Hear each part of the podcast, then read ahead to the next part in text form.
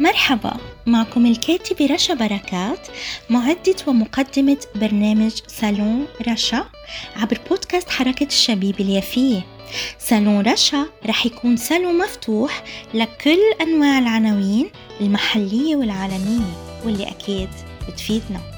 اسمعونا على منصات التواصل الاجتماعي والتطبيقات سبوتيفاي بودبين جوجل وابل وطبعا على الفيسبوك بصفحتي بودكاست حركة الشبيب اليافية وحركة الشبيب اليافية. سالون رشا.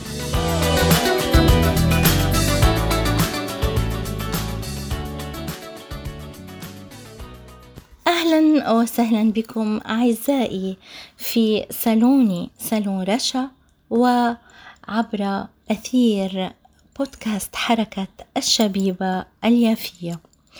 طبعا آه، نحن برامجنا جميعها هادفة وكذلك يعني كما عودتكم في صالوني أن يكون هناك حلقات بلغات مختلفة أيضا ليس فقط في اللغة العربية الأغلبية هي في اللغة العربية لأننا نحب أن نكرس لغتنا العربية وهويتنا وغيره وكذلك هناك بعض الحلقات في اللغة الأجنبية مثل الإنجليزية والفرنسية. حتى الآن. آه، أما آه، اليوم فقد اخترت لكم أعزائي نبذة من كتاب باللغة الإنجليزية وكي تكون حلقتي أيضا موجهة لأهلنا في الشتات ولكل الأجانب الذين لا يعرفون أن يتكلموا اللغة العربية أو يفهموها. آه هذا الكتاب اسمه Once Upon a Homeland آه من كتابة ليلى هنيدي. آه لاحقا سأحاول أن أترجم ما قلته الآن في اللغة للغة الإنجليزية وسأقرأ نبذة من مقالة أو من فصل في هذا الكتاب. وهو يعني تحت اسم أو عنوان The Meaning of Occupation. آه آه المعنى معنى الاحتلال. فلقد لفتتني هذه آه الفق... هذه النبذة أو هذه الفقرة في وهذا العنوان في كتابها الشيق للزميلة والأخت ليلى هنيدي الكاتبة أقصد. وسأعرف عنها بتعريف بسيط. هذا الكتاب صادر عن دورنس بابليشينج كو وأما بالنسبة للأستاذة ليلى هنيدي فهي معها دكتوراه بالبابليك أفيرز يعني الشؤون العامة وكذلك والسياسة. وفي يعني الاختصاص السياسي and policy. من Hatfield School of Government at Portland State University. وهي كذلك يعني عندها لديها يعني خبرة بال بالسياسة في الميدل إيست أو في الشرق الأوسط سياسة الشرق الأوسط. و الاجتماع الاقتصادي أو التنمية الاقتصادية الاجتماعية. فلديها يعني هذا الكتاب برأيي مهم أيضا للتطرق حوله وللحديث عنه وأنا اخترت لكم فصل بعنوان معنى الاحتلال. How are you? Hello, uh, listeners from all over the world, uh, listeners of Yafa Youth podcast programs. And uh, today in uh, my program, Salon Rasha, I will talk about uh, a book, a very uh, interesting book called Once Upon a Homeland by the author Leila Huneidi. Uh, author Leila Huneidi earned her PhD in Public Affairs and Policy from Hatfield School of Government at Portland State University and has extensive experience in Middle Eastern political and socio-economic development. Her research has focused on interdisciplinary theories explaining the contemporary status of the conflict in Palestine and how it has resulted in the longest existing occupation in recent history. Her doctoral dissertation, downloaded by thousands around the world, is a published case study on democratic governments and development under authoritarian regimes.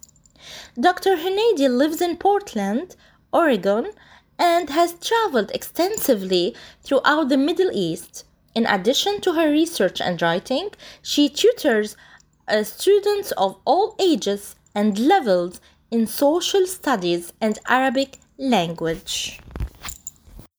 Dear listeners from all over the world, uh, I will read the paragraph in the book called Once Upon a Homeland, as I have mentioned before, which is published by Dorrance Publishing Co. and written by uh, Layla Huneidi. Uh, the paragraph uh, is under ti- or titled under the meaning of occupation. It says, according to the Merriam-Webster's Collegiate Dictionary and Webster's New American Dictionary, the initial definitions of the noun occupation and the verb to occupy are defined with regards to the workplace as in a job, place, time, or any space that becomes filled, busy, engaged, or inhabited by someone or something. While in a supplementary inter- interpretation, interpretation uh, another association is made to mean with the possession, use, or settlement of land. The act of process of taking possession of a place, area, or country are synonyms of colonialism, which means a control by one power over a dependent area or people. While other interpretations for the verb to colonize focus on several positive synonyms such as establish, reconstruct, or build a colony. colony. Similarly, the colony in most dictionaries is interpreted as a body of people living in a new territory or a group of people with common interests situated in close association, which can be interpreted as a positive and peaceful entity. Western colonialism emerged as a practice of policy among European countries in 1488. In its general meaning, colonialism is the external invasion of weaker nations or smaller states by the Western colonial states of greater powers and stronger armies in pursuit of economic interests. The rivalry among the colonial powers had increased since y, uh, WWI, inciting uh, European powers to expand their territory through invasions, in order to increase their political gains. Following WW2 uh, means the World War II, the Second World War, a new world order necessitated a new form of hegemony and power as the fight to eradicate colonialism pit imperialistic nations against a growing third world uh, war Revolutionary Front, buttressed by the Soviet Union. With the evolution of the field of international relations helping to reshape public opinion and educate communities on the plight of people living under colonial rule, colonial powers were forced to reconsider their imperialistic objectives and weigh each theater's importance with respect to their overall agenda.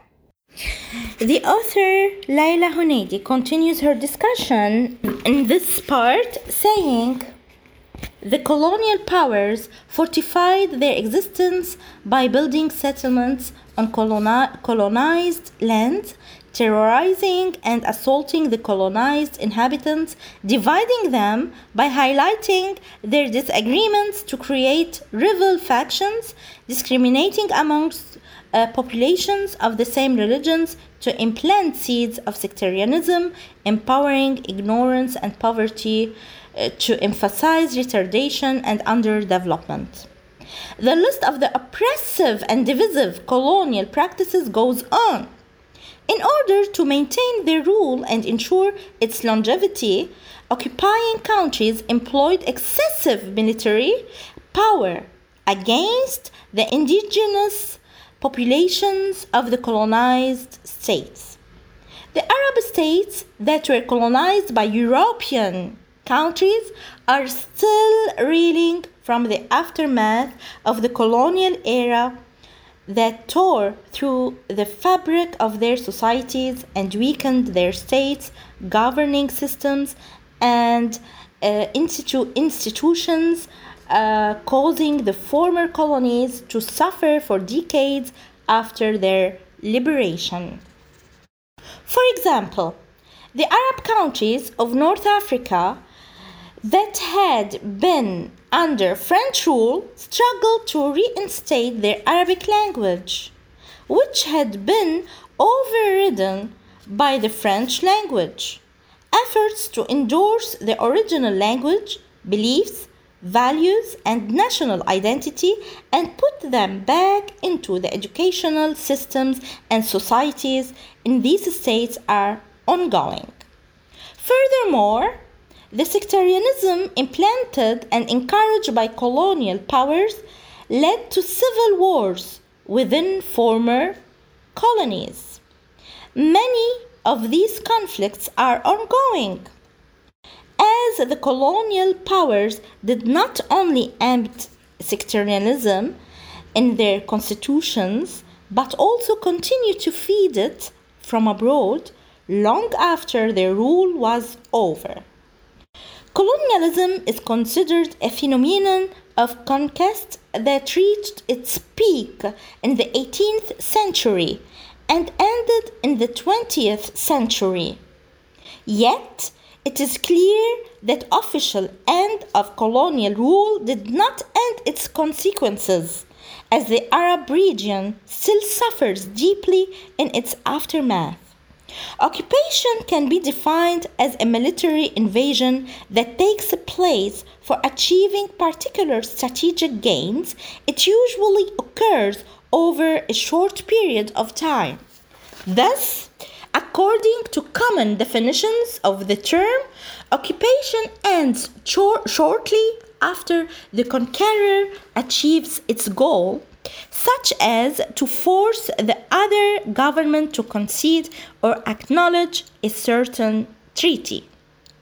The examples most commonly associated with the term are Germany's occupation of a northern province in France from 1871 uh, to 1873, and France's occupation after WWI, World War, uh, the First World, World War, of the German region of Bochum. In both cases, the occupying power ended its siege after the two players signed concessions between them. Here, colonialization does not apply, only a temporary occupation. Not all occupations can be considered as colonial tactics. Occupation, however, is a primary tool of colonialism. Palestine is currently living under a long term occupation that has continued for more than 73 years. This indicates that colonialism and occupation are not phenomena of the past, as often theorized by scholars in an attempt to vindicate the occupying entity in Palestine, though the practices and policies enacted in Palestine are in accordance with the definition of colonialism and with the practices and policies of the previous colonial powers. The author continued by saying, the brutality and crimes of the occupying authority against civilians of inside Palestinians can no longer be accepted. Their narrative can no longer be believed because we are living in a time of connectedness and the instant transmission of information, the inhumane practices of this occupying entity are constantly being revealed, and its continued oppression and occupation confirm this entity's violations of the Palestinians' freedoms and human rights, a situation that cannot remain ignored by Western theorists, analysts, uh, analysts and politicians. However, she uh, continued also by saying, I, I presume that the situation that took place in Palestine was not classified as a colonial situation due to the incorporation of the global law of human rights by the United Nations in 1945, a law whose effect remained confined in the national policies of the previous colonial countries but did not affect their foreign policies. This can be seen in their internal responses to the various transformations of that time, such as industrialization, the changing roles of nation states, the chronological uh, evolution of human rights that focused on liberation from authoritarian and coercive rules and the corresponding of human rights to their citizens while their foreign policies, practices, and violations of human rights remained irreconcilable. Dear listeners, this was the part I have chosen and decided to read it for you in the book called Once Upon a Homeland by the author Leila Huneidi. Thank you all, and I hope that you listen to all our programs in Yafa Youth podcast and uh, you can listen to them as I have mentioned in the promo. Uh, bye bye, Salon Rasha.